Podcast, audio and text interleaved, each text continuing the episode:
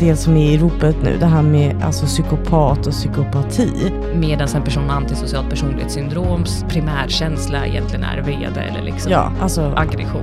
då förtjänar hon, eftersom hon är en svag person, då förtjänar hon inte heller respekten i att jag inte ska trampa på henne. Om man jämför då till exempel med en annan diagnos som ofta liksom beskylls för att inte kunna känna empati, till exempel autism. Du kan inte rädda den här personen. Alltså för det blir ju något ibland att man säger, men jag kan omvända eller han, det kan du inte. Jag ska bara säga snabbt att eh, vi sa i förra avsnittet, nej i förra, förra avsnittet, nej i förra avsnittet. Hur som så sa vi i alla fall till er att eh, nu ska vi skärpa oss, nu kommer det komma avsnitt, alltså regelbundet varannan vecka. Det hände inte. Men nu är vi tillbaka, så jag säger varmt välkommen till podden Normalt Galen! En podd om psykiatri och allt mellan himmel och jord. Det är jag som är Emma. Det är jag som är Rebecka och vi är två sjuksköterskor som arbetar inom specialistpsykiatrin i Stockholm. Eh, det här är en podd om psykiatri, allt mellan himmel och jord. Ja, nu sa, det, sa vi det två gånger. Det. Ja, sa du det? Okej, Absolut, så ja, men då så. nu nailade vi det i alla fall på första försöket, Ja, så det var ju ändå trevligt. Eh, hur är läget med dig idag? Ja, men det är, det är bra. Alltså, jag är lite pepp på det här avsnittet, måste jag säga, som vi nu ska spela in. Ehm, jag, eh, nej, men jag, jag mår ändå bra. Skönt. Mm. Jag lämnar det så. Hur mår du? Jag måste bara säga, exa, eh, ni skulle ha sett Rebeckas blick, typ, ska hon inte fråga hur jag mår? Jag kände det. För du såg liksom färdig ut och sen så bara tittade du bort. Mötte inte min blick. Kände, jag är också här. Ja, men jag mår bra. Jag mår inte lika flummigt som förra gången som nu är då en månad sedan. Så jag har hunnit återhämta mig lite och mår bättre. Mm, ja, bra. Faktiskt. Och jag har varit på Cypern, men jag har typ glömt bort det, för det var så länge Ja, men jag tänker ändå att alla har ju liksom tålmodigt väntat på en Ja. uppdatering kring hur vädret var. Alltså vädret var fantastiskt. Vi hade alltså regn fem minuter på hela resan. Mm. Ändå väldigt, vilken stor lättnad. Ja, verkligen. Så det var absolut värt. Det blir alla väldigt lättade att höra som sagt. Ehm, idag så ska vi prata om en psykiatrisk diagnos igen. Ja, vi tänkte att det var dags. Ja, vi tänkte att det var dags och vi filade lite fram och tillbaka på vilka. Eh, och den vi landade i, vi landade väl ganska snabbt i att vi skulle prata om ett personlighetssyndrom igen. Eh, dels för att vi ju själva ehm, ja, är, är intresserade liksom, av personlighetssyndrom i stort. Eh, men också för att de två av de avsnitt som har allra flest lyssningar av våra hittills är avsnitten om emotionellt instabilt personlighetssyndrom. Ja. Ehm, och det är också något som har efterfrågats mycket och sådär. Så vi tänkte att vi kör ett, ett till personlighetssyndrom. Ja, exakt. Och då det personlighetssyndromet som vi ska prata om idag är antisocial personlighetssyndrom. Yes. Ehm, Och jag ska bara säga innan vi börjar att eh, vi har ju, i det avsnitt 12 så, som vi släppte, släppte så pratar vi generellt om personlighetssyndrom, bara ingen specifik diagnos i det. Så att om man är intresserad av liksom det generella, vad, en personlighets, vad, vad ett personlighetssyndrom är och lite så, då kan man lyssna på det först. Precis, vad som utmärker specifikt, eller liksom mm, Övergripande. drag, precis övergripande personlighetssyndrom och lite kring diagnostiken Ja. eh, som är gemensamt för alla personlighetssyndrom, så får man jättegärna lyssna på det. Och som sagt så har vi ju avsnitten då om, om emotionell instabilitet också, som ni gärna får lyssna på, precis som alla andra avsnitt som ni Ja, gärna får såklart. lyssna på, Men men, jag- jag tänkte- specifikt kopplat ja. till det vi ska prata idag. Då. Exakt. Och eh, upplägget i avsnittet kommer vara ganska likt våra tidigare diagnosavsnitt. Eh, och det innebär att vi kommer börja med att lite, mm, ja, till att börja med beskriva vad som utmärker det antisociala personlighetssyndromet. Eh, därefter så kommer vi att eh, gå vidare lite kring förekomst, prevalens, alltså hur vanligt exakt. det är. Och sen eh, kanske alltså samsjuklighet, hur, vad, det är oftast som man kanske också har för diagnoser i samband med den här diagnosen. Och sen fortsätter vi lite med alltså utredning, behandling och orsaker. Exakt, och kommer avsluta med att diskutera prognosen och även diskutera antisocialt personlighetssyndrom lite i förhållande till andra diagnoser också, andra Ja. personlighetssyndrom, för att till slut knyta ihop säcken med att diskutera ett begrepp som många kanske i alla fall sådär... Uh, som är lite i ropet, tycker jag. Lite mer i ropet, ja men precis. Eh, som många kanske känner till mer vid namn, nämligen psykopati. Ja, och som många säkert också kopplar till när man säger antisocialt. Alltså beteende, mm. tror jag att många tänker förknippar det med psykopati. Precis. Eh, och jag tror också att många kanske känner till begreppet psykopati, även om de aldrig har hört talas om antisocialt personlighetssyndrom. Ja. Och de två är ju inte exakt samma sak, men det kommer vi som klart, såklart, det kommer vi som sagt att avsluta eh, avsnittet med. Så att håll ut tills dess om ni är intresserade av det. Eh, men vi börjar lite då med, vad är egentligen ett antisocialt personlighetssyndrom? Nej, men det som, det som utmärker att en, en person med antisocial personlighetssyndrom är ju att den framförallt har bristande förmåga till att ha ett normalt socialt alltså ansvarstagande beteende, man eh, är väldigt impulsiv, aggressiv, riskbenägen, man har liksom inga konsekvenser till heller om man själv råkar illa ut eller att någon annan råkar illa ut i och med sitt risktagande eller äventyrliga beteende. Mm. Eh, man är, men aggressiv sa jag kanske, man är väldigt lättprovocerad, eh, man eh, är liksom oberäknelig och man eh, man tar inte ansvar för sina egna handlingar. Nej, precis. Liksom hänsynslös. Eh, och som du sa där, liksom, att man har en bristande respekt både för sin egen säkerhet och för andras säkerhet. Eh, genom olika beteenden, ja, helt enkelt. Och de här beteendena någonstans liksom ringar in det då som brukar, eller de här egenskaperna ringar in det, eh, ha, liksom handlingar då som betecknas som det man brukar kalla för antisocialt beteende helt mm. enkelt.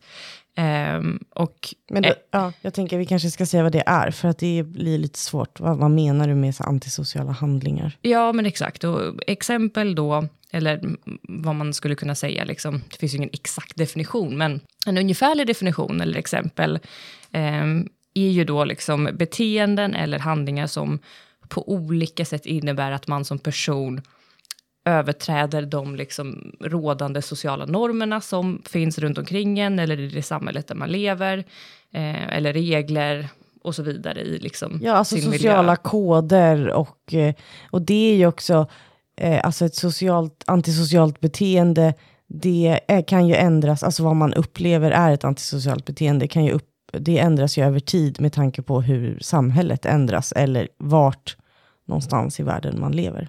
Eh, ja, men precis, det var det jag skulle säga, att det inte är något som är liksom skrivet Nej, i sten. Det är varken, varken i, eh, precis att det, det var precis det jag skulle ja, säga också. Nej, bara... det är ingen fara. Du bara satte ord exakt på det jag tänkte säga. Att det är liksom inte skrivet i sten, utan det är någonting som ändras eh, beroende på liksom social kulturell kontext och även eh, över tid. Ja, exakt som exakt. du precis sa, för att kopiera det du nämnde. Ja. Eh, om man ska ge exempel på sådana beteenden då till exempel, eh, så kan det ju vara till exempel att man, eh, alltså ofta så, så alltså, resulterar ju det i kriminella handlingar. Ja.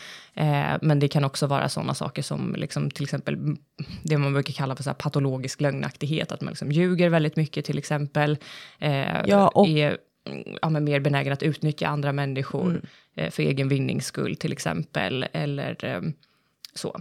Ja, och att man till exempel det här patologiska lögnandet i att man inte, man bryr sig helt enkelt inte heller, alltså om man blir påkommen med lögnen. Mm. Alltså, eller, för man upplever ändå då att då drar man bara en till lögn mm. om något annat. Alltså typ som om jag skulle ljuga eller dra vita lögner, då kan jag ju få lite ångest över att någon skulle upptäcka att jag faktiskt ja, men jag vet inte om man säger så här, nej men jag eh, kan inte följa med ut för att jag ska någon annanstans mm. och sen så ligger man bara hemma i soffan. Då har ju jag... Ja, eller man går och träffar någon annan vän ja, istället. Exakt. Och Då har man ju liksom extrem ångest över att det skulle uppdagas, för att man mår dåligt, för att det är skamfyllt, alltså ja. för att man har gjort fel. Ja. Men medans en... Ja, eller att man tycker att det är pinsamt ja, att det eh, visade sig exakt. att man eh, hade ljugit. Liksom. Ja, men med alltså en antisocial, de bryr sig inte.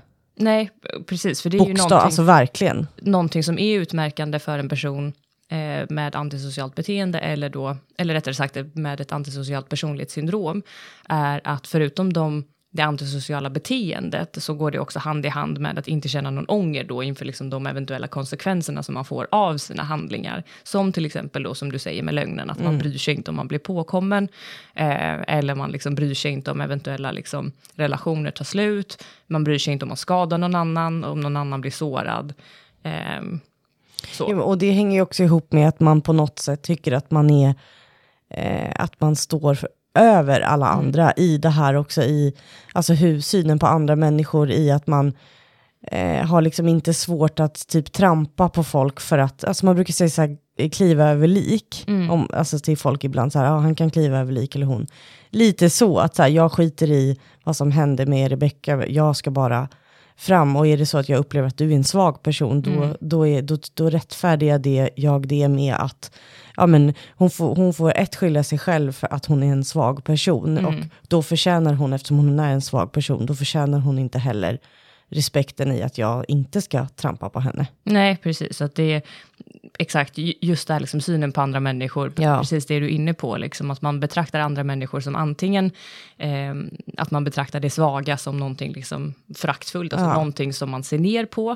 Eh, men det kan också, också vara liksom en aspekt av att man anser sig, eftersom att man anser sig själv eller sina egna rättigheter stå över alla andras rättigheter, ehm, att man liksom då hellre trampar på andra innan de trampar på en själv och att det liksom handlar väldigt mycket om att skydda sig själv på olika sätt. ehm, eller tillgodose sina egna Ja, liksom, alltså- rättigheter och behov oavsett hur det påverkar andra människor. Exakt, man, man utnyttjar för att man anser att annars kommer man själv bli utnyttjad, Mm. även om det inte är fallet. Exakt. Eh, och någonting som också då eh, ringar in liksom det, det vi pratar om nu med liksom bristande, alltså att man inte brukar liksom ångra eh, och ha, ja inte ett samvete på samma sätt, Nej. liksom hänger ihop med eh, den empatiska förmågan. Eh, och det är inte riktigt så enkelt att säga att en person, alltså även om det är ju liksom självklart alltid ett spann och man kan ha olika drag, eh, men generellt så handlar det inte om att man inte har en förmåga att känna någon form av empati på det sättet som människor kanske tänker liksom att de, alltså jag vet till exempel när jag växte upp och man så här fick, hörde talas om första gången vad psykopat var, Mm. Eh, då kommer jag ihåg att det, det jag liksom lärde mig, vart jag nu hörde det vet jag inte, men att det var just så här att en psykopat eh, kan inte typ känna känslor eller kan inte... Alltså är så. helt kall. F- Förstår Känslor- typ inte vad... Ja. Ehm, Och riktigt det- så enkelt är det inte. Nej, och Alltså framförallt om man pratar empati då så är det ju i regel så att en person med antisocialt personlighetssyndrom, man brukar ju dela upp eh, empati i en kognitiv och en affektiv empati. Och den kognitiva empatin innefattar ju då förmåga att eh, kunna förstå hur andra känner i en given situation. Att till exempel om jag, om du kommer till mig Emma och berättar att du har förlorat en anhörig till exempel, Mm. Eh, då förstår jag rent kognitivt att när, när personer förlorar någon som står dem nära, så mår de dåligt och de blir ledsna. Och jag kan förstå, jag kan läsa av min omgivning, eh, eftersom att jag besitter den kognitivt empatiska förmågan, så kan jag liksom läsa av och jag kan bete mig i många fall liksom ett adekvat sätt anpassat för situationen. Så jag kan beklaga sorg, jag kan förstå vad som är, hur det är lämpligt att bete sig i den situationen, för jag förstår att du är ledsen. Ja. Men skillnaden där, eh, när man brister istället i den eh, affektiva empatin, är att jag känner mig inte ledsen för din skull. Jag, Nej, jag kommer inte, liksom, alltså, det berör inte mig. Jag, bry, jag, jag kan inte känslomässigt eh, bry mig om att du har Nej, förlorat exakt, dina nej. anhöriga. Men jag kan förstå att du är ledsen. Ja. Så, eh, så att man har den här förmågan att eh, Ja men liksom att, om man jämför då till exempel med en annan diagnos som ofta liksom beskylls eller så fördomsfullt eh, för att inte kunna kämpa, känna empati, till exempel autism. ja, vilket verkligen inte är sant. Verkligen inte sant. Men, om man ska dra en Ja, parallell ja, absolut. så är det där oftare tvärtom, att personer med autism kan ha svårare för den kognitiva empatin, det vill säga att sätta sig in i någon annan situation. Ja. Eh, att, att personer med autism kan ofta ha en väldigt hög eh, förmåga, Alltså förmåga till precis den affektiva empatin, att man Ja. kan, kan Alltså liksom, känna för mycket så att man nästan, exakt, bli överväldigad man klarar av, inte av, man klarar inte av det helt enkelt. Alltså att det Exakt. liksom blir nästan att den personen blir nästan ledsnare än den personen som har drabbats. Ja, men att, att man man blir in, Överväldigad Ja, av den exakt. andras känslor. Men man kan inte uttrycka det. Nej, och sen kan man inte heller, det här som brukar kallas för theory of mind, att, att liksom sätta sig in i någon annans kläder. Att jag Nej, liksom ha nej. svårt då att föreställa mig typ något jag inte kan relatera till hos dig. Kan man då själv ha svårare att liksom så förstå liksom hur någon annan känner i en I viss situation, situation, rent ja. kognitivt. Men eh, hos en person med antisocial problematik så är det istället omvänt. Ja. Och att du kan förstå men du känner det inte. Nej, exakt. Ehm, Alltså man är ju på något sätt känslokall i och med att man inte själv känner, mm, även om jag typ intellektuellt kan förstå att du är ledsen. precis. Men jag fattar egentligen inte varför du är ledsen heller. Alltså förstår du vad jag menar? Alltså Mm. jag fattar varför du är ledsen, men jag kan inte känna. Och jag hade antagligen kanske inte heller eh, blivit ledsen om det var mig det handlade om. Nej, och någonting som, som jag vet att många personer med antisocial personlighetssyndrom brukar beskriva är det här att det handlar inte om att de aldrig kan ha personer som de själva inte Alltså de kan absolut ha relationer som de själva uppskattar. Ja, eller liksom så här, men många gånger så handlar det också om vad man själv får ut av relationen. Att det liksom är Nästan någon alltid, form av eh, fan, vad heter det på svenska? Ja, men någonstans där det liksom, man får ut någonting av, alltså utbytet av relationen. Att man liksom, inte bara att säga jag är vän med dig Emma för att jag tycker om dig. Nej. Eh, sen är jag ju vän med dig för att jag får ut saker av Nej, våran- men ja, alltså, ja. emotionellt får ut Ja, saker. jo, jo, men inte, inte i att du, du alltså får ut liksom, materiellt, typ att så här, ja men, jo men jag är vän med, Emma, eh, med Rebecca för hon har ett hemmabiosystem. så Mm, eller att jag, blir, jag blir ledsen om vår vänskap avslutas för då kanske jag får försämrade, fan vet jag, karriärmöjligheter. Ja, alltså, jo men precis, eller så. då kan inte du kolla på mitt hemmabiosystem Mm. när vi kommer dit, eller jag har, typ så. ja, Det är mera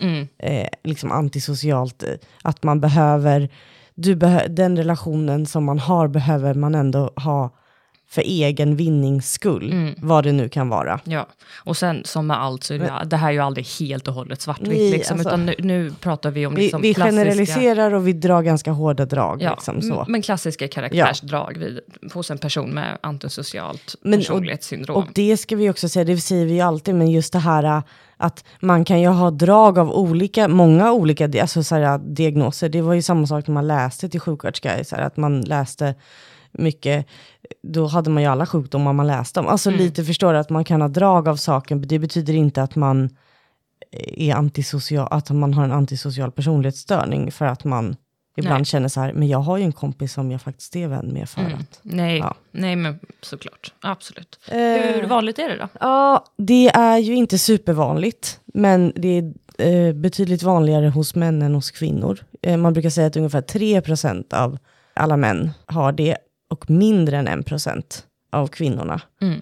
Eh, också i att, typ till exempel i kriminalvården, alltså personer som sitter i fängelse, där ser man ju en högre prevalens. Alltså där brukar man säga att nästan 50% av alla män eh, har en antisocial personlighetsstörning. Mm. Och det är något som är gemensamt även internationellt Ja. överlag. Liksom. Alltså det finns inte så många, det finns ju inga svenska studier på det så. Nej, inga specifika Alltså specifika, prevalensstudier. Ja, Utan- vad, vad Inte vad vi vet än. Eh, nej, men precis. Och just det här att det är sån överrepresentation liksom i, eh, på anstalt och liksom i kriminalvårdens, bland kriminalvårdens klienter Ja, är, är ju just att de här antisociala beteendena och i diagnoskriterierna eh, alltså fokuserar väldigt mycket även på kriminell aktivitet. och att antisociala beteenden i längden brukar betyda att man gör kriminella handlingar. Mm. Sen behöver det inte alltid vara våldshandlingar, för det kan vara lätt det man tänker på. Ah, nej, det kan vara skattefusk, det kan vara bedrägerier, det kan Exakt. vara vad som. Alltså så. M- Absolut många våldsbrott också, men det behöver Mm. inte vara det. Nej, men, Men, man gör olagliga saker helt enkelt. olaglig aktivitet. Försörjer sig. Ja. Ja, Ehm, ja, jag tror inte det finns så mycket mer att säga kring alltså nej, det är, det- så, det det är är som det är. Ja, precis. Eh, samsjuklighet då? Eh, det finns flertal diagnoser sådär. Alltså Ja. Det är vanlig samsjuklighet, men det som väl egentligen är vanligast är beroendeproblematik och framförallt alltså drogmissbruk. Och alkohol, men drogmissbruk absolut. Men med det sagt också att eh, samsjuklighet är ju också till exempel något som de här personerna söker ju ofta vård för alltså det samsjukliga Mm. i att man kanske söker vård för eh, alltså drogproblematik Mm. eller till exempel också något i, som är vanligt är att man har ångest eller att man har sömnstörningar eller att man faktiskt är deprimerad. Mm. Och när man sen söker hjälp så brukar man då ganska snabbt hitta då att man, alltså det kanske är ett symptom på den antisociala personlighetssyndromet. Mm. Pro- Personlighetsproblematiken brukar liksom ändå Ja. snappas upp ganska fort Ja, av den alltså, behandlare eller läkare som man träffar. Liksom. ja. Men det är väl egentligen de du räknade upp där. Liksom beroendeproblematik, även liksom spelberoende är vanligt. Och det Mm. någonstans går ihop också med det här liksom riskbenägenheten och impulsiviteten. ja. Ehm, Att man inte riktigt har konsekvenstänket på saker och ting. Man kanske skuldsätter sig ganska vanligt. Alltså, och då Exakt. gör man också kriminella handlingar för Mm. att finansiera det. leder till diverse sociala konsekvenser liksom, som man eh, vill ha hjälp med. Och depressionen för många kan också hänga ihop med det i form av att den här liksom enorma tomhetskänslan som kan infinna sig, eller, eller rent av liksom tristessen som kan infinna sig eh, när närvaron inte motsvarar ens liksom egna förväntningar eller krav på ständig liksom förändring eh, och liksom äventyrlighet. Och, Exakt. Alltså så, ehm, att det liksom uppstår någon form av tomhet där man liksom söker för Ja. att man känner sig deprimerad helt enkelt. Alltså för att många av de här personerna behöver liksom hela tiden ha storslagna planer. Alltså på något stimulans, sätt. stimulans, stimulans. Alltså för att, för att inte då gå ner sig i att det inte händer så mycket, vilket Mm. det faktiskt inte gör i ens liv de flesta dagar. Alltså att man Nej. har liksom ett inrutat liv, då blir de deprimerade också. Mm. Men något som också ändå är alltså utmärka, eh, märkande med samsjuklighet, det är ju att, som inte är då symptom på själva eh, alltså antisociala personlighetssyndromet, utan det, det är ju att man också har ADHD Mm. i botten. Mm. Eh, och att man sen utifrån det eventuellt kan utveckla en antisocial person. Men vi kommer till det senare, Mm. eller hur? Ja, jo, men det kommer vi till lite mer där, eh, när vi pratar om utredningen Ja. här alldeles strax. Jag ville bara säga en grej till Mm. kring, eh, apropå missbruk. Eh, och det är ju att personer som lever framförallt med drogberoende, eh, många gånger någonstans liksom eh, sekundärt då till drogberoendet också utvecklar ett antisocialt beteendemönster. Eh, det vill säga att Ja, men det, det innebär ju liksom störningar i den empatiska förmågan medan du liksom, eh, har ett Knarkar. aktivt missbruk helt Mm. enkelt. Ja, Ja, du Eh. menar att, att det är inte så att man, bara för att man har ett missbruk betyder inte det att man har antisocial Nej, personlighetssyndrom? utan det jag skulle säga var att även om ett antisocialt beteendemönster ofta uppstår i ett aktivt drogmissbruk, eh, så är en förutsättning för att kunna få den här diagnosen att man behöver se att de här symptomen har funnits där innan personen brukade droger, Ja, helt enkelt. Exakt. Ehm, för det kan vara lätt om man känner någon i sin närhet som missbrukare, så känner man bara, shit, han eller hon eh, liksom Ja, eh, prickar ju in på massa Ja. av de här. Eh, och det, som sagt, är ganska vanligt när man har ett extensivt bruk av droger. Mm. Eh, men behöver inte betyda att man har den här diagnosen, utan det här behöver finnas där även innan man började ja. missbruka. Men det, det är absolut jättebra att du säger det. Och att för att, alltså jag tänker nu kommer vi ju till ehm, alltså utredning och eh, så. Och då kan man ju också säga att för att man ska ens göra en ut, kunna göra en ordentlig utredning så behöver man vara drogfri. Mm, Alltså det är det med alla. mm, Och jag tänker att det här är inget, ingen skillnad, utan man behöver eh, se eh, eh, personen i nyktert liksom, tillstånd för Mm. att kunna göra en ordentlig utredning. mm, Men det har vi och vi har ju börjat med att säga att de flesta söker inte för att de tror att de har antisocial personlighetssyndrom och bara hej jag vill ha hjälp med det, utan de söker för annat. Ja, precis. Och även om de inte... Eh, det är inte bara så att de inte söker för att de uttryckligen tror liksom att de har ett personlighetssyndrom, utan de söker inte heller egentligen på grund av att de upplever besvär av de här symptomen Nej, nej, nej, av precis. sitt personlighetssyndrom. För att det, i regel, de här karaktärsdragen lider personen själv inte, eller upplever personen inte själv är ett problem.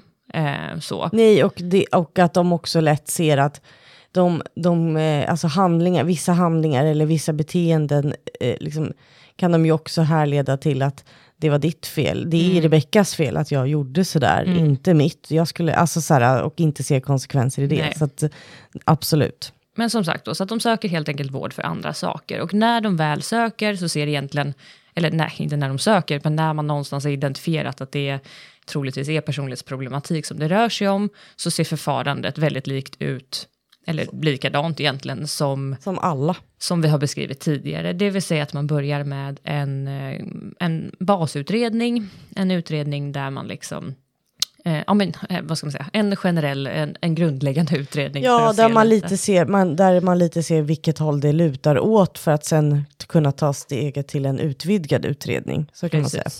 Och har man då fått indikation eller bekräftat sin indikation på här att det tycks röra sig om personlighetssyndrom, då gör man först en eh, generell utredning för personlighetssyndrom där man, eh, precis som vi berättade i diagnoset om emotionell instabilitet, behöver först då fastställa att den här personen uppfyller de generella diagnoskriterierna för eh, personlighetssyndrom. Mm, exakt. Och först efter det är bekräftat att man uppfyller de generella kriterierna så går man sedan vidare med den fördjupade utredningen Ja, eh, för att ringa in hur man passar in på respektive personlighetssyndrom. Ja, Eh. som sagt, det finns ju alltså olika kluster Mm. i personlighetssyndrom och så. Som vi ännu en gång då går igenom där i avsnitt 12. Ja. Så ni kan gå tillbaka eh, och lyssna på om ni inte har gjort det.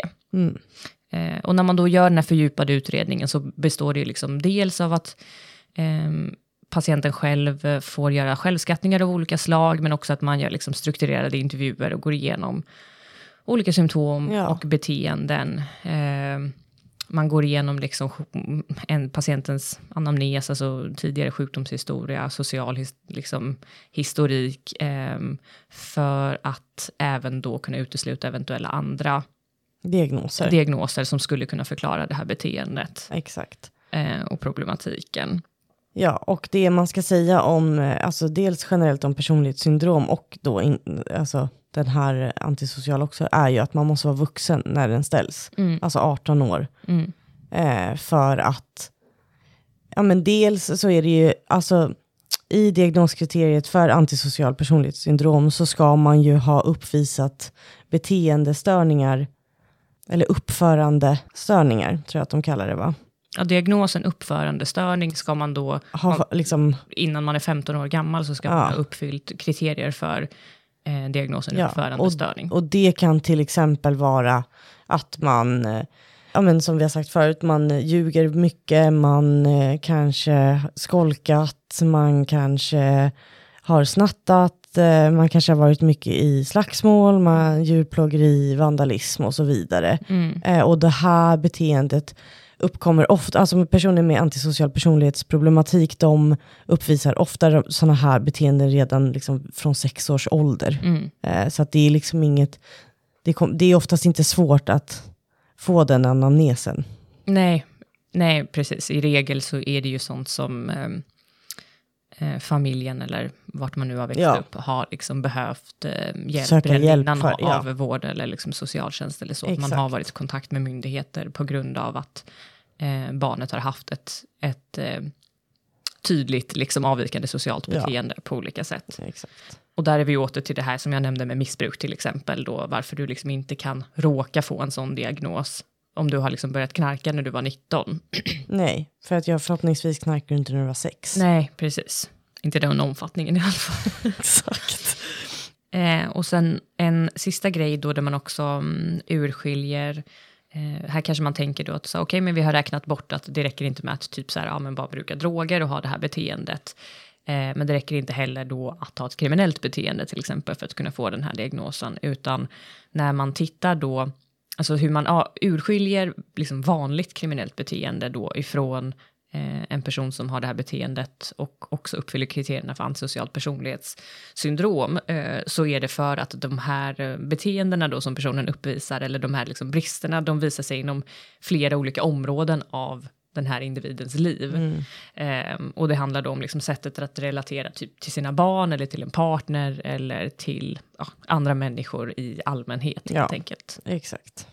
Vad är det som gör då att man får antisocialt personlighetssyndrom, Emma? Det var ändå lite så här, jag började skratta så att det, för det är alltid så i de här avsnitten, att så här, nu kommer vi till orsaker, folk sitter säkert och vet så här, åh vad är det som gör, man bara, eh, man vet inte riktigt, eh, ja hur, hur det kommer sig. Man har lite teorier men man vet inte riktigt. Nej, så att ni kan lyssna på alla våra tidigare diagnosavsnitt och där kommer ni få ja. samma orsak här. Det vill säga att det är en blandning av genetiska faktorer men också den sociala miljön. Ja, det man, det man kan säga som man ändå har hittat det är ju att eh, om man då har ADHD som jag nämnde innan i barndomen och det som utmärker då att man lättare utvecklar en antisocial personlighetsproblematik, det är ju hur man har blivit bemött som barn med den diagnosen. Att, mm. ja, men att man kanske har blivit väldigt mycket tillrättavisad i, i, i eh, liksom beteenden som man kanske inte kan hjälpa om man mm. inte fått stöttning och struktur för, alltså hjälpmedel för sin ADHD, utan mera blivit tillrättavisad och avvisad. Ja, typ. Exakt. Eh, ja, men precis. Det är någonting som man har funnit liksom i, kan påverka till varför det är en så pass stor samsjuklighet med ADHD. Precis. Annars, som sagt, arv och miljö, genetik. Ja. Mm. Helt enkelt. Ehm, eh, och då slider vi kvickt vidare till behandling, tänker jag. Ja.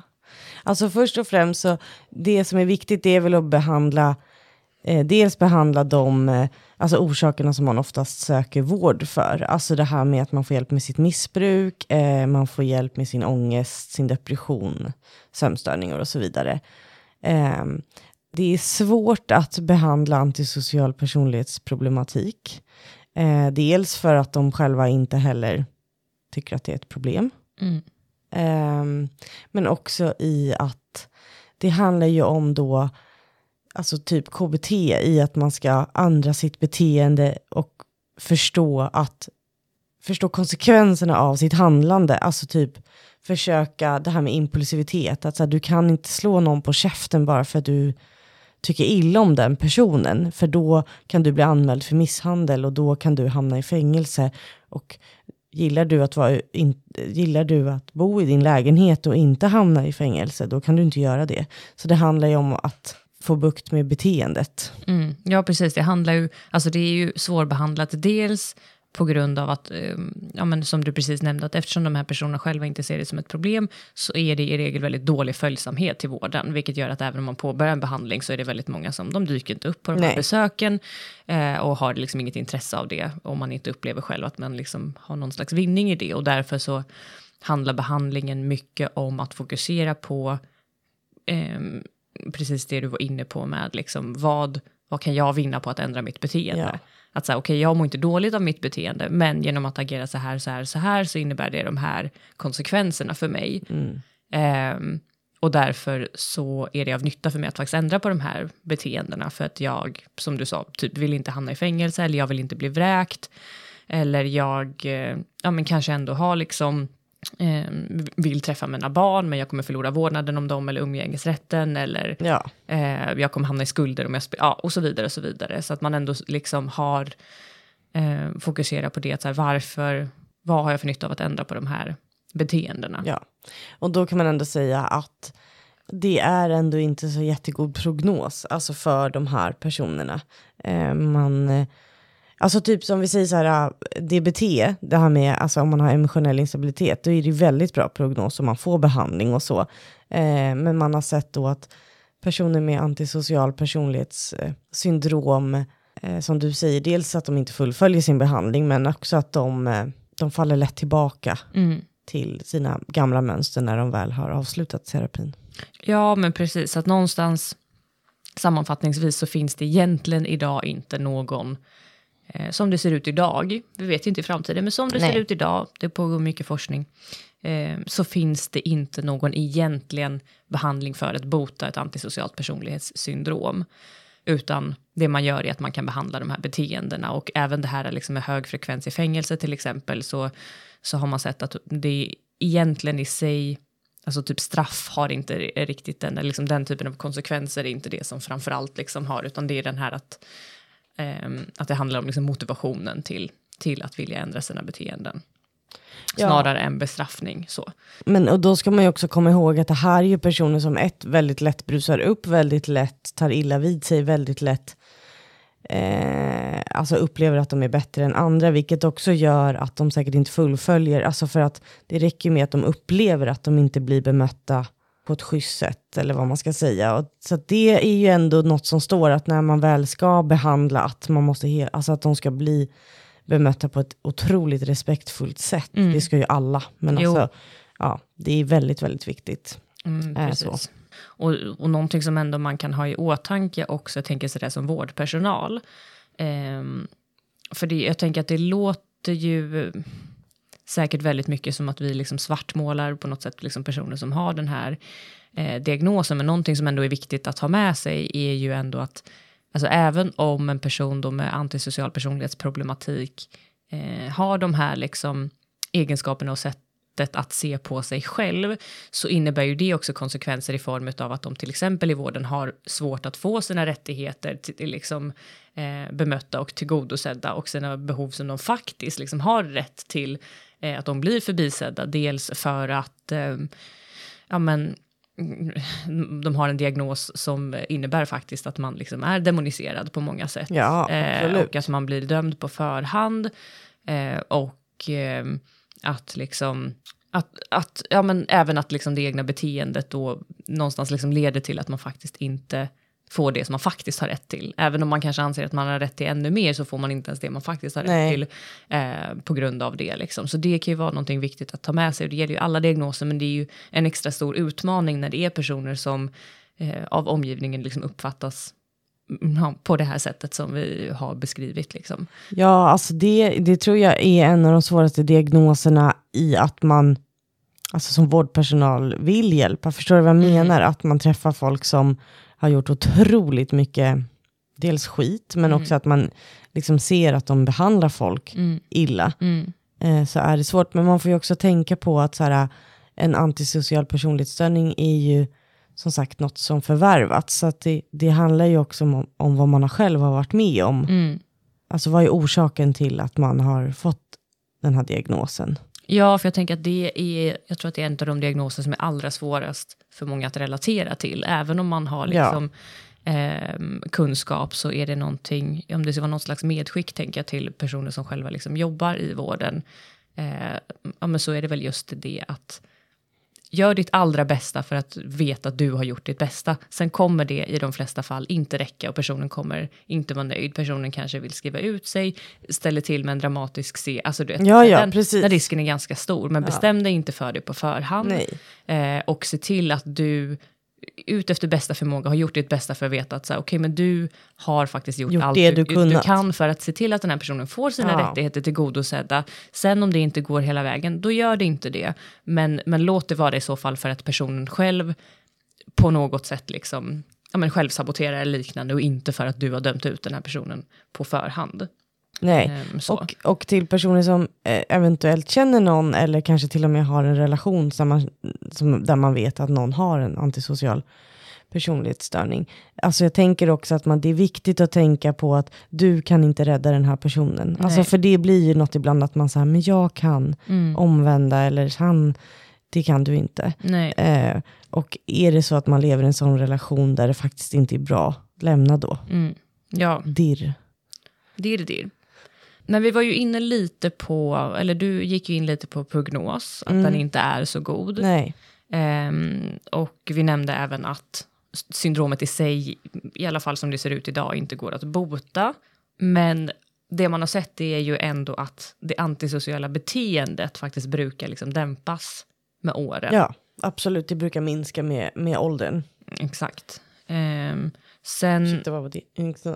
Exakt. Sen så går ju det ofta ihop också med att eh, liksom beteende tidigare i livet har fått sociala konsekvenser som, som gör att liksom, alltså individens möjligheter till ett mer välanpassat liv senare ändå är Förbrukade. ja, förbrukade eller liksom drastiskt minskat. Ja, ja. Alltså till Ja, exempel precis. genom då att du eh, ja, men antingen kanske sitter i fängelse eller du har fått en dålig ekonomi eller dina liksom, sociala relationer har Tagit slut. tagit slut Mm. eh, på olika sätt. Du har bränt dina broar. Mm, exakt. Mm. Och eh, en sista grej på prognos är också att personer med antisocialt personlighetssyndrom också faktiskt är överrepresenterade i jämförelse med övriga befolkningen eh, när det kommer till förtida död i form av både våld och olycksfall. Ja, och det är ju också för att deras risktagande och Mm. konsekvenstänk inte är på topp. Men slutligen då så tänker jag att, eh, som vi nämnde i början, att vi eh, ska nämna några grejer lite om antisocialt personlighetssyndrom i förhållande till andra diagnoser eh, och tillstånd. Ja.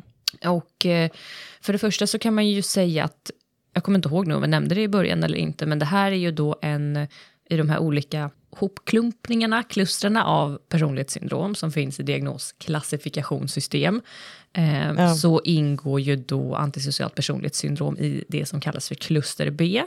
Och det är där ihopklumpat med eh, emotionellt instabilt personlighetssyndrom, histrioniskt personlighetssyndrom och narcissistiskt personlighetssyndrom. Ja. Så det är de fyra som ingår i eh, kluster B. Eh, och det man kan säga är ju att det finns både flertal gemen, alltså drag som är liksom gemensamma för flera av de här diagnoserna i samma kluster, vilket också är varför de är ihop liksom, ja, parade. exakt. Eh, men det finns också tydliga saker som särskiljer dem. Ja. Eh, Och det är inte ovanligt, eller ovanligt, men man kan också ha flera diagnoser från samma kluster. Ja, Alltså så. det är ingenting som... Eh, alltså jag upplever att det inte händer jätteofta. Nej, men eh, man men kan. det är egentligen inte för att det inte går, utan det har nog med andra skäl att ja, göra. det tror tänker jag också. Och eh, några av de sakerna, om vi börjar med det som kan vara gemensamt, eh, så kan det vara exempelvis att ehm, egenskaper som impulsivitet, eh, att ha liksom låg tröskel eller tolerans för frustration, eh, även liksom äventyrlighet tillsammans med det här impulsiva, är sådana drag som kan vara gemensamma för både eh, APES, antisocialt personlighetssyndrom, och eh, även histrioniskt personlighetssyndrom. Eh, så det är ja, men det är några saker som är gemensamma då. Samtidigt som eh, det också, som sagt, finns saker som urskiljer dem eh, tydligt. Eh, och den första grejen, till exempel på tal om emotionell instabilitet, då är ju till exempel eller emotionellt instabilt personlighetssyndrom är specifikt då den här emotionella instabiliteten som finns där. Eh, den har inte en person med antisocialt personlighetssyndrom.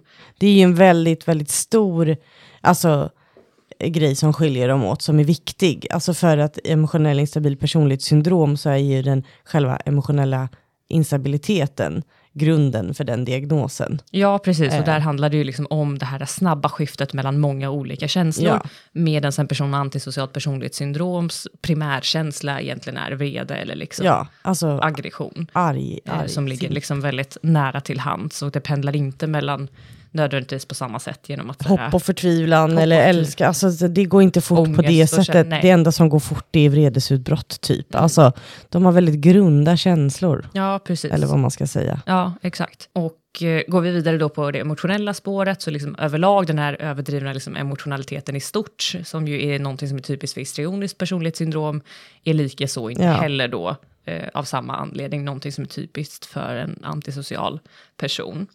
Och eh, det man kan säga är ju att, för det tänker jag ändå typ som narcissistisk personlighetsstörning, då tänker jag att många, eller syndrom, då tänker jag att många tänker att de är empatilösa, alltså bristande empati och sådär. Och det är väl något som ändå hänger ihop, alltså att det är likheter, men det som man brukar säga det är att det här impulsiva och bedräglighet och aggressivitet som man har vid antisocial personlighetsstörning, det har man inte vid narcissistisk personlighets... Jag säger störning, men jag menar syndrom. Mm. Ja, men det, det är lätt hänt. ja eh, så det, det är väl också två saker, eller tre saker som skiljer dem rätt mycket åt. Mm. Och det här har vi sagt förut att eh, antisocial personlighetssyndrom, då gör man också saker alltså manipulativt för egen vinning i liksom sak Mm. oftast. Medans eh, narcissism, då är det ju alltså psykologiskt egen vinning också. Ja, att det handlar väldigt mycket om liksom, eh, ja, men att få olika behov uppfyllda, alltså psykologiska behov uppfyllda i form av liksom, eh, ja, men till exempel beundran eller intimitet eh, från andra människor. Ja, alltså narcissism då. Det är Ja. narcissism, precis. Att eh, även om liksom, vissa beteenden eller be, liksom drag sådär, Ja. kan vara gemensamma så är ändå liksom, bakgrundsorsaken till stor del annorlunda. Ja, är, den är psykologisk för narcissismen, na, narcissist. Mm. Medan den, in, den är materiell för eh, an, det antisociala. ja precis. Ja, men så kan man ju. Eh, Enkelt. Det, var, det är liksom väldigt förenklat. Jo, jo, men det, jag tänker att det, ibland behöver man göra det enkelt för att det ska bli tydligt. Men däremot något som jag tror ändå folk nu har väntat lite på, eh, det är ju det här med, det som är i ropet nu, det här med alltså psykopat och psykopati. Mm. I att, vad är det som... Alltså jag tänker att många, som du säger i ropet, alltså många som inte har hört talas om, som sagt, antisocialt personlighetssyndrom har ändå hört talas om psykopati och narcissism. Liksom. Ja, det är det, det- sociopati. Ja, alltså ja, men det här med att så här, jag levde med en psykopat Mm. eller mm, typ så här, hur, så vet du att din chef är narcissist. Alltså Ja. det finns ju väldigt mycket det.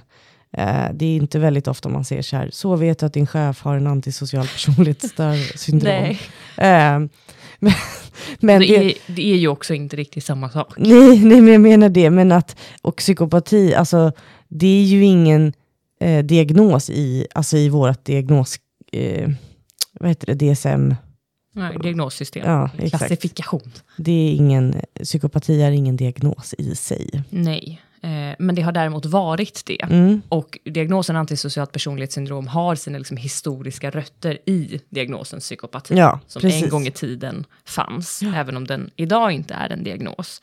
Eh, och det finns ju, eh, alltså de här dragen då som liksom är utmärkande för en psykopat och som man någonstans har liksom, ja som diagnosen liksom härstammar ur från början, eh, är ju det här samma just det här omora, alltså de omoraliska egenskaperna, att man liksom eh, saknar osjälviska, osjälviska ideal, utan att man gör väldigt mycket, eller att man gör saker liksom, eh, för egen vinning, som, som vi nu har nämnt, typ 40 gånger. Eh, att man liksom, ja, men avviker från gällande normer, att man har liksom en oförmåga att känna skuld. Eh, de här grejerna är det som har liksom ansetts vara liksom utmärkande historiskt sett för en psykopat.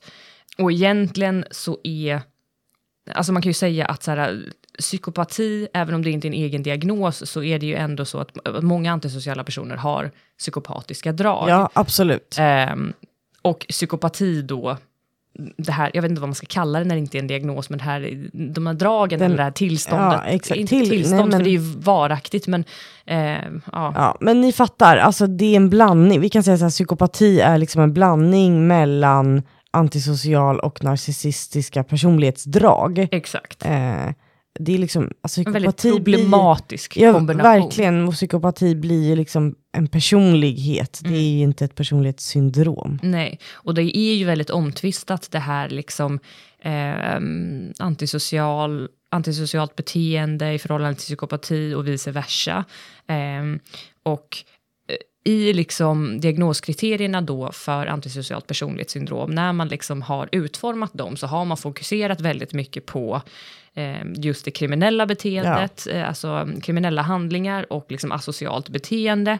Eh, och det är är någonting som är väldigt omtvistat för att genom att det är så stor fokus på det i diagnostiseringen av eh, antisocial personlighetssyndrom så missar man också många av de här personerna som har eh, väldigt liksom grava psykopatiska drag, men för den saken skulle inte begår till exempel kriminella handlingar utan lever ett mer socialt ehm, ett soci- mer ett socialt välanpassat liv på så sätt att Alltså det liksom, utifrån sociala normer, Ja. men ändå ha, ha, ha de här psykopatdragen. Ja, alltså till exempel, bara för att göra det tydligt då, att du är en person som liksom är hänsynslös mot din omgivning, du eh, bjuger, utnyttjar på olika sätt. För eh, egen vinnings För egen skull. vinning. Men det, det i sig, även om det är tvivelaktiga mänskliga egenskaper, Ja. så är det inte nödvändigtvis kriminellt. Du, du behöver inte begå, det behöver inte vara olagligt. Och därmed så är det många av de här personerna som har väldigt mycket psykopatiska drag som ändå inte fångas upp av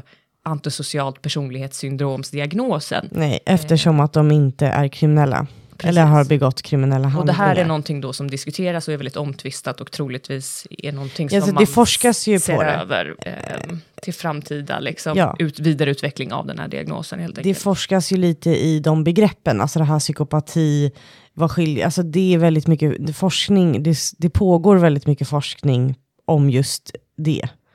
Eh, så jag tror, alltså rent spontant så tror jag faktiskt att eh, det kommer att ändras med tiden. Det här eh, att man måste vara kriminell. Mm. Och jag tror faktiskt att psykopati, alltså att det kommer bli Jag tror att den kommer komma tillbaka som en diagnos. Ja, för att som det ser ut nu i, ehm, i eh, diagnoskriterierna för antisocialt personlighetssyndrom så är just den här alltså, liksom, samvetslösheten, den är ett delkriterien, k- kriterien, kriterium, Ja. men det är inte obligatoriskt för att Nej. få diagnosen. Nej, Vilket ju eh, i praktiken då innebär att det finns väldigt många personer med antisocialt personlighetssyndrom som också har psykopatiska drag. Ja. Men som sagt finns väldigt många där ute med, äh, med psykopatiska drag, psykopatiska drag men som inte uppfyller di- Nej. diagnosen för antisocialt personlighetssyndrom. även om Så de är inte omvändbara utifrån Exakt. så som Men skulle man ta bort idag. kriteriet eller det här stora med eh, kriminalitet så Mm. skulle många platsa och få den diagnosen. Det är därför jag tror att antingen så kommer de ändra på Utvidga det. eller göra två. Ja, Mm. eller två. Jag tror Mm. troligtvis två kanske. Men Ja. ja.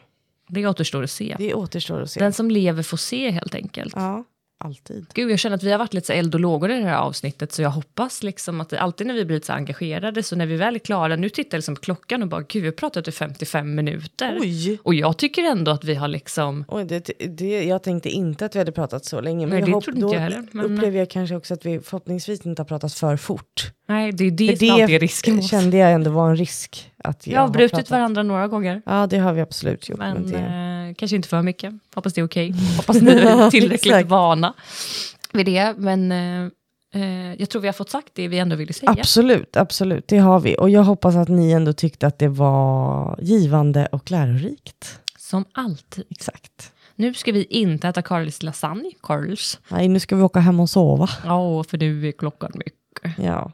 Men vi Varför hörs. sa jag så? Ja. Mycket tyst. Var tyst. Alltså verkligen. Okej, avsluta nu. Eh, men vi... Du kan ju inte avsluta. Nej, vi kunde börja så då måste vi ha problem att avsluta. exakt. Nej, men vi säger vi hörs. Ja. Och eh, glöm inte vårt Instagram. Tack för att ni lyssnar. Ja. Ni är bäst. Hej då!